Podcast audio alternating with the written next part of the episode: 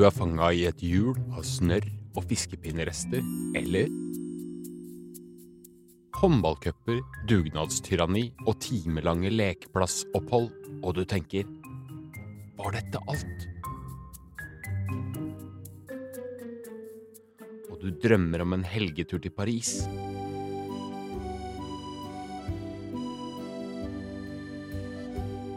Få et par netter med uavbrutt søvn på hotell, og du kan bedrive vindusshopping og ekte shopping, sitte på kafé i flere timer og bare tankevandre, bare flyte, bare være. Snakke om noe annet enn barn!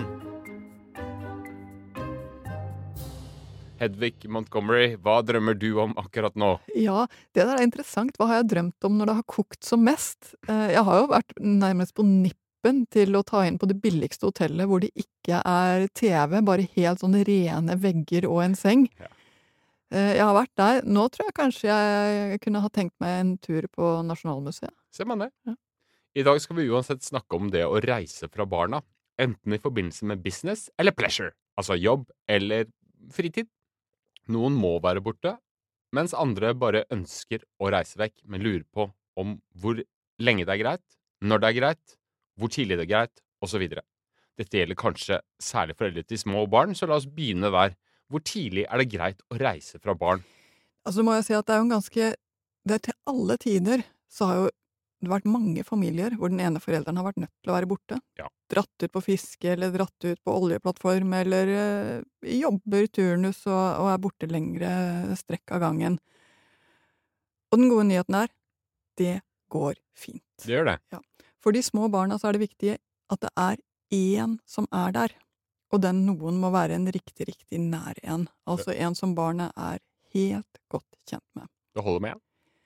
Holder med en, så lenge den ene er en god person for det lille barnet. Mhm.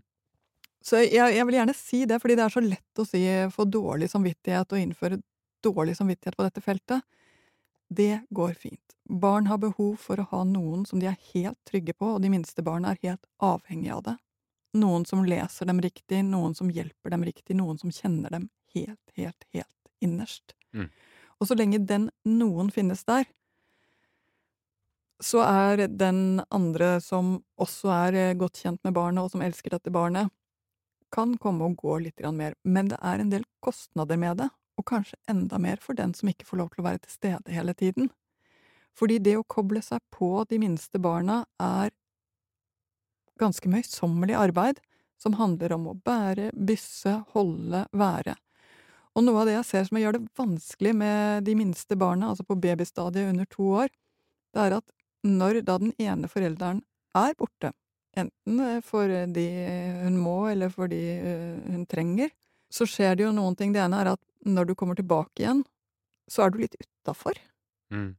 Eh, og det andre det er at den, den forelderen som da har vært hjemme, er kanskje litt sliten og eh, har fått kjørt seg skikkelig, og bare dytter babyen i armene på deg og sier 'nå er det din tur', og så blir det brått og urytmisk og kanskje ikke så bra, verken for deg eller for barnet. Men jeg husker en gang da sønnen min var på krabbestadiet. Eh, han var veldig tidlig ute med å smile og sånn, og en glad gutt, da. Og eh, det var liksom det oppsynet man var vant til. Og så var det en eh, helg, eller ja, Jeg tror kanskje det var jobb, jeg. Jeg var ute borte en natt eller to. Når jeg kom tilbake da, da var det det smilet Det var ikke noe der. Det var bare sånn ingenting. Det var liksom akkurat som han bare så gjennom meg, behandla meg nesten som luft. Og da tenkte jeg sånn er det, Hva er det han driver med nå? Driver han og straffer meg, eller har han glemt meg, eller hva er dette her for noe? Han viser jo ganske tydelig at du ikke var til å stole på, eh, og Ja. det hadde han jo rett i. Ja, ja, I hans det. verden så var han jo det. Men da er det ikke så lett å dra bort da uten å ha dårlig samvittighet eller et eller annet sånt. da. Det er ikke lett å dra bort. Punktum. Okay. Eh, for jeg tror ikke dette er et samvittighetsspørsmål. Kan du velge, så tenker jeg at de minste barna ah, trenger denne jevnheten, dryppet av at du er der. Og da er det det som, som du må styre etter. Men innimellom, når man på et eller annet vis må bort, og jeg vet hvor vanskelig det er å reise bort fra de minste barna, for man vil jo ikke heller. Du merker jo at de virkelig, virkelig trenger deg. Men når du må reise bort, så er det én ting som gjelder. Sett av tid når du kommer tilbake igjen. Du må ha tid til å vise 'jo, men jeg er her', og 'det går bra', når du kommer tilbake igjen. Og du må tåle kanskje akkurat den her første kvelden eh, hvor du får en liten kald skulder fordi det var, du var her ikke i går natt, så må du tenke ja, det er faktisk en helt rimelig måte å reagere på, og det går fint, for jeg er her i natt og i morgennatt og natten etter der. Det går seg til. Men når du sier være til stede, må man være mer til stede enn man vanligvis ville vært, eller bare holder det å være normalt til stede? Da holder det å være normalt til stede. Det er kanskje ikke så lurt å tenke da tar jeg henne ut av barnehagen, eller da kan han være hjemme med meg hele tiden, fordi da bryter du barnets rutine og hverdag, og det er heller ingen fordel. Men bare vit at det, ok, men da må du ha tid til og, og ork til å hente, til å være der, til å løfte opp. Mm. Så det handler ikke om at man er på minussiden og da må kompensere i andre enden, det handler bare om å gjøre det normalt igjen. Gå tilbake igjen til der hvor det er trygt.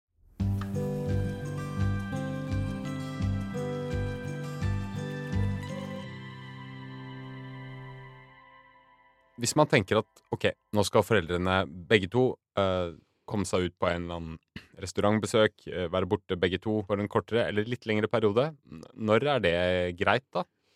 Altså For en kortere periode så kommer det veldig an på barnet. Og hvem andre som barnet kjenner, og som kan være der med ham eller henne. Men å passe en baby noen timer mens mamma og pappa er eh, enten sover eller uh, ligger sammen eller uh, er ute og spiser sammen Her er det lov å drømme om både det ene og det andre, spør du meg. Så lenge det er en barnevakt som barnet er komfortabel med, liker, så går det helt fint. Eh, og det å ha barnevakt noen timer fra barnet er altså så fort det lar seg gjøre Det, det er ikke noen Påfører ingen skade i det hele tatt. Eh, det er rett og slett å ha trygge barnevakter og å være borte to, tre, fire timer. Det går helt fint så fort barnet har den rytmen og den roen i seg til at det fungerer. En helg, da? Så kommer du over på det der med en helg, og der igjen er vi over på, på ganske rare ting, fordi det har noe med ammer du eller ammer du ikke å gjøre, selvfølgelig. Det har noe å gjøre med hvem er det da som er der, altså hvor godt kjent er den som barnet skal være hos, med barnet. Er de hjemme hos der hvor dere bor, eller er det et annet sted? Altså Her er det så mange ting som kommer i spill. Men hva bør det ideelt sett være? Ja, jeg vet at du har lyst på det svaret. Og altså, hva, hva jeg tenker, så er det noe av det som gjør det lettere for barn, det er jo når de begynner, kan begynne å forklare en tidslinje, altså begynne å si at når du våkner i morgen, så er mamma og pappa ikke her, og så kommer kvelden, og da skal vi gjøre det og det, og så kommer dagen etterpå, og da skal vi gjøre sånn og sånn, og så kommer mamma og pappa hjem etter der igjen. Altså hvor du kan bygge den tidslinjen sånn at barna er med på den. Den tidslinja er barna med fra sånn cirka tre år. Så tidlig? Så tidlig. Det er det, altså.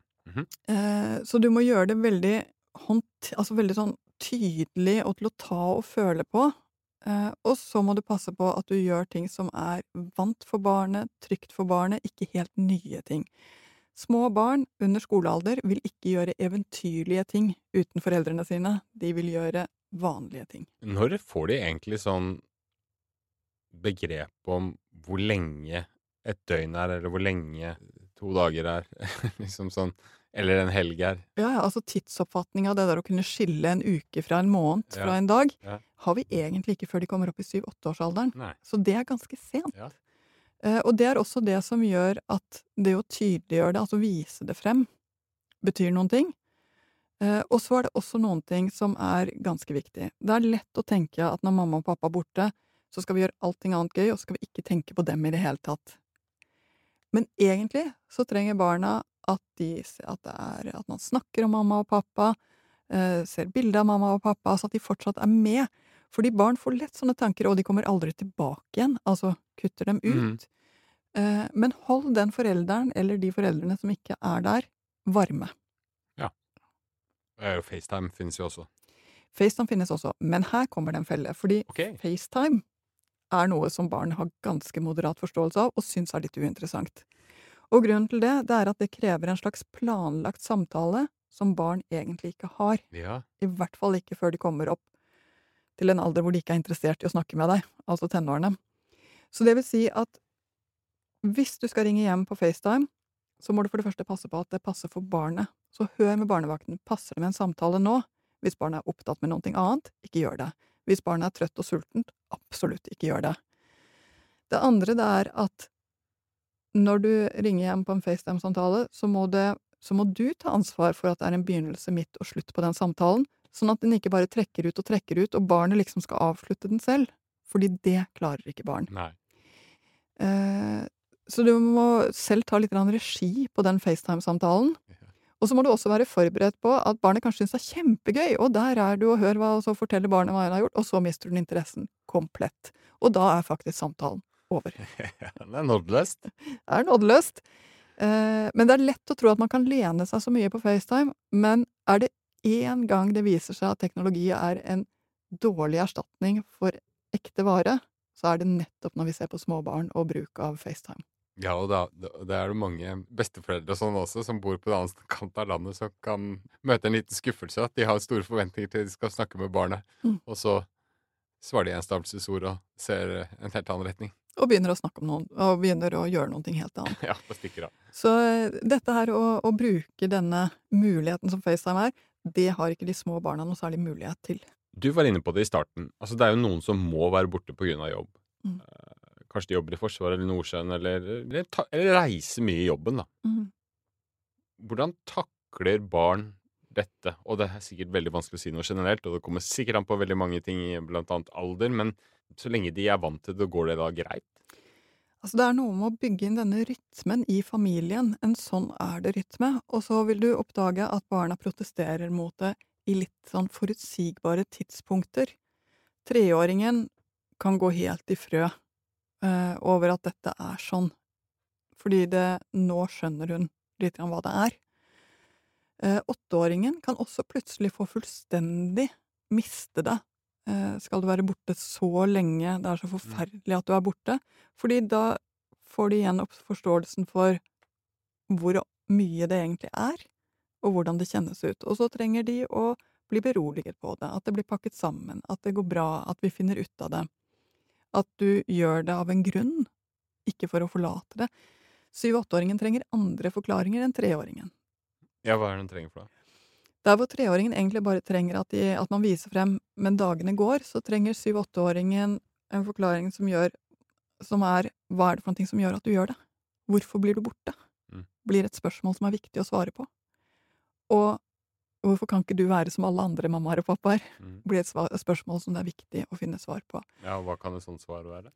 Nei, da må du jo finne ut hva det er for noe ved jobben din som gjør at du har den, altså hva som gjør at du trives med den, eh, og hva som gjør at det er viktig at du gjør den.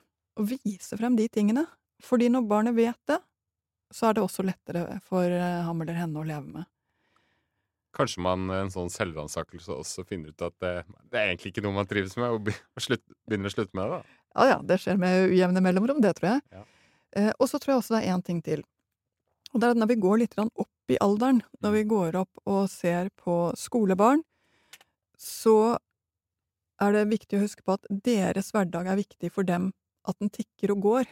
Eh, så hvis du pleier å gjøre ting for barnet, og så skal du være borte, tenk igjennom hva er det for noe jeg pleier å gjøre, sånn at du har fått overlevert de tingene helt tydelig. Det kan være ting som at det ligger sammenkrøllede beskjeder og gamle matpakker klemt sammen i bunn som det trengs å ryddes opp i. Og er det lurt å si det til den som skal være hjemme? Ah, jeg pleier forresten å se gjennom sekken hver fredag, sikkert lurt å gjøre det mens jeg er borte også. Altså rett og slett overlevere de tingene som kanskje er litt usynlige av rutiner og av oppgaver. Eh, og så tenker jeg også at er du borte fra et barn i barneskolealder, pass på at du har den der lille tilgjengeligheten. At du kanskje sier vet du hva, mellom da og da så kan du ringe meg, og da tar du telefonen når barnet ringer. Eh, og hvis barnet ringer når du ikke kan ta den, at du sender en eh, melding så fort du kan, med at 'åh, nå får jeg ikke tatt den akkurat nå, men er snart eh, men er på plass igjen da og da, så kan vi snakke sammen'. Er det noe som brenner? Altså viser at du fortsatt er med og er til å stole på. Og der har jo den nye teknologien virkelig gitt oss nye muligheter. Hvis barna uttrykker at de ordentlig savner forelderen som er borte, eh, og det kanskje blir et mønster, eller at du ser at det er, den som er hjemme, ser at det er vondt, da, Mm. og, og det uttrykkes eh, altså, Hvordan skal man deale med det? Altså, her er det så nedpå at jeg sier trøst. Vet du hva, det skjønner jeg så godt, Og av og til er livet sånn. En man er skikkelig glad i, er ikke her. Og så kan du og jeg gjøre det beste vi kan for at tiden skal gå fortere til mamma eller pappa kommer tilbake igjen. Å skjønne at det gjør vondt, gjør det lettere å bære at det gjør vondt. Men de kan vel også føle seg svikta? Mhm. Så er det det samme som gjelder der? Samme som gjelder der. Eh, og da er det også å vise nå var det nødvendig, eller nå trengtes, eller nå kommer de tilbake igjen og har gjort noe som, som er fint for dem, som gjør at de også kan gjøre det fint for oss igjen. Det kan jo også være veldig vanskelig for forelderen som blir igjen, hvis det er snakk om da et sånt turnusliv, eller, eller at man må være borte over lengre perioder. Man blir en sånn slags deltidsaleneforelder. Og ikke alle har nær familie å støtte seg på. altså Det er ikke noen besteforeldre som bor rett borti gata og sånne ting. Hva er det beste tipset til dem? Jeg må bare si, det å være deltidsalenemor er slitsomt. Ja. Uh, og det ene det er prøv å planlegge. Hvordan skal dette faktisk gå rundt? Eh, og om det er eh, å ha at barna er hjemme og leker noen timer hos en kompis, altså at du sier, vet du hva, kan de være hjemme hos deg denne gangen, for jeg er alene med barna og må få det til å gå litt opp. Altså, spør også mer tydelig om den hjelpen der hvor det måtte tenkes at den kan finnes. Og så tror jeg det er én ting til. Det er litt deilig å være alene med barn også. Du Mm. får gjort det på din måte, du får gjort ting som du trives med med barna. Det er ikke noe gjemking, og, og det er noen ting som er finere. Prøv å nyte det lite grann. Barn er også greiere å ha med å gjøre når de bare har én forelder, enn når de har to til rådighet. Rett og slett fordi de bruker de ressursene som er. De skjønner selv at dette er litt sånn Her er det ikke mer å gå på. Så det kan gjøre det litt hyggelig. Prøv også å gjøre noe som du syns er litt hyggelig selv. Altså ha noen ting som du får gjort da, se noen TV-serier som du ikke får gjort ellers, eller eh, strikket eller laget noe annen mat. Altså et eller annet som gjør at du kjenner at dette er litt ålreit for meg også. Fordi da blir du litt mindre offer. Og barn tåler dårlig at mamma eller pappa er ofre. De gjør det. De har lyst til å se voksne som viser frem et sånn noenlunde ålreit liv. Når barna blir litt større, altså gode tenåringer, Mm. og da er det lett å tenke at ja, da tåler de mye fravær. For de er så, blir så store og selvstendige. Det er kanskje litt riktig, men er det også ikke helt riktig? det var ledende spørsmål, jeg. Nei, det er ikke bare det at det er, at det er litt riktig, det er, det, er, det er ikke riktig. For noe av det som gjør det så vanskelig å være tenåringsforelder, det er at du kan ikke planlegge på samme måte når vi skal spise, når vi skal snakke sammen, når ting skal skje, fordi ungdommene har så mye mer eget liv. Så de trenger i mye, mye større grad den der at du er der når de trenger deg. Som gjør at på mange måter så kommer det sånn at du kan være ganske mye borte fra et barn på mellomtrinnet uten at det gjør så mye, fordi de du kan planlegge Ja. mer. At vi tar det igjen, eller vi gjør det da. Tenåringer gjør det ikke sånn. De fungerer ikke sånn. Nei. Og en annen ting som er veldig interessant med tenåringer, det er at det er lett at de faller litt mellom alle stoler. At det da ikke blir noen samtaler med noen annen, eller at det ikke er noen annen som passer ordentlig på dem. Så med tenåringer så er det enda viktigere å ha tenkt igjennom hva er det for noen ting han eller hun kommer til å trenge. Er det noen ting, er det noen matteprøve, er det noen ting som skjer? Ha tenkt enda mer igjennom hvem skal fylle inn de tingene som du pleier å gjøre, sånn at de ikke havner et sted hvor de ikke har noen som passer på seg, og ingen de kan snakke med. Mm. Så tenåringene, ja da, de har tidsforståelsen på plass. De elsker at du er borte lite grann, jeg lover. Eh, Men deres evne til å ta vare på seg selv er ikke så stor som den ser ut. Og det gjør også at de kan jo gjøre dumme ting som å ha hjemme alene-fest, selv om de vet at de ikke får lov. Rett og slett fordi det gikk litt fort i svingene, de hadde invitert tre, og plutselig så kom det mange flere. Så muligheten for at ting går ut av hende, er jo mye, mye større med tenåringer enn det det er med yngre barn. Og det betyr to ting. Det ene er tenk litt igjennom det. Hvordan skal vi passe på at det er noen der for tenåringen, sånn at det ikke blir for mange sånne kan gå ut av hende-situasjoner. Og det andre, hvis det gjør det, så er det ikke fordømmelsen ungdommen trenger, men at du hjelper ham eller henne tilbake igjen til å være ålreit og ha det ålreit. Dette er det jo ekstremt mange som lurer på. Når er det greit at tenåringen er aleine hjemme? Du var jo litt inne på det nå, men går det an å sette en sånn grense? Eller hvordan er det? Det kommer igjen veldig, veldig an på ungdommen. Ja. Eh, min erfaring er at ungdommer fort føler seg overlatt til seg selv når det blir for lang tid uten noen hos seg. Altså, før ungdommene blir 16, så er det ikke noe hjemme alene-mulighet i det hele tatt. De trenger en voksen der hos seg. Så er det noen 16-17-18-åringer som er veldig selvstendige, veldig gode til å organisere seg, få ting riktig, til å ta kontakt når de trenger hjelp. Mens vi har andre som trenger at det er noen der, i hvert fall sånn noenlunde i nærheten, lengre tid. Mm. Denne generasjonen eh, foreldre er vel egentlig ganske flinke til å være til stede for barna. Hvis de skulle kjenne det nappe litt i kroppen at de trenger litt fri eh, sammen eller hver for seg, hva vil du si til dem da, Hedvig? Jeg tror det er viktig å være klar over at det å være familie er å være der for hverandre, men det er jo ikke et fengsel. Nei. Vi skal jo også kunne gå ut og hente eh, inspirasjon, luft, krefter og komme tilbake igjen og bygge denne familien enda sterkere. Det ligger så mye kjærlighet i å si 'reis, du'. Det ligger så mye kjærlighet i å si til besteforeldre 'tusen takk for at dere kan passe'. Natt fra lørdag til søndag, det blir vi så glad for.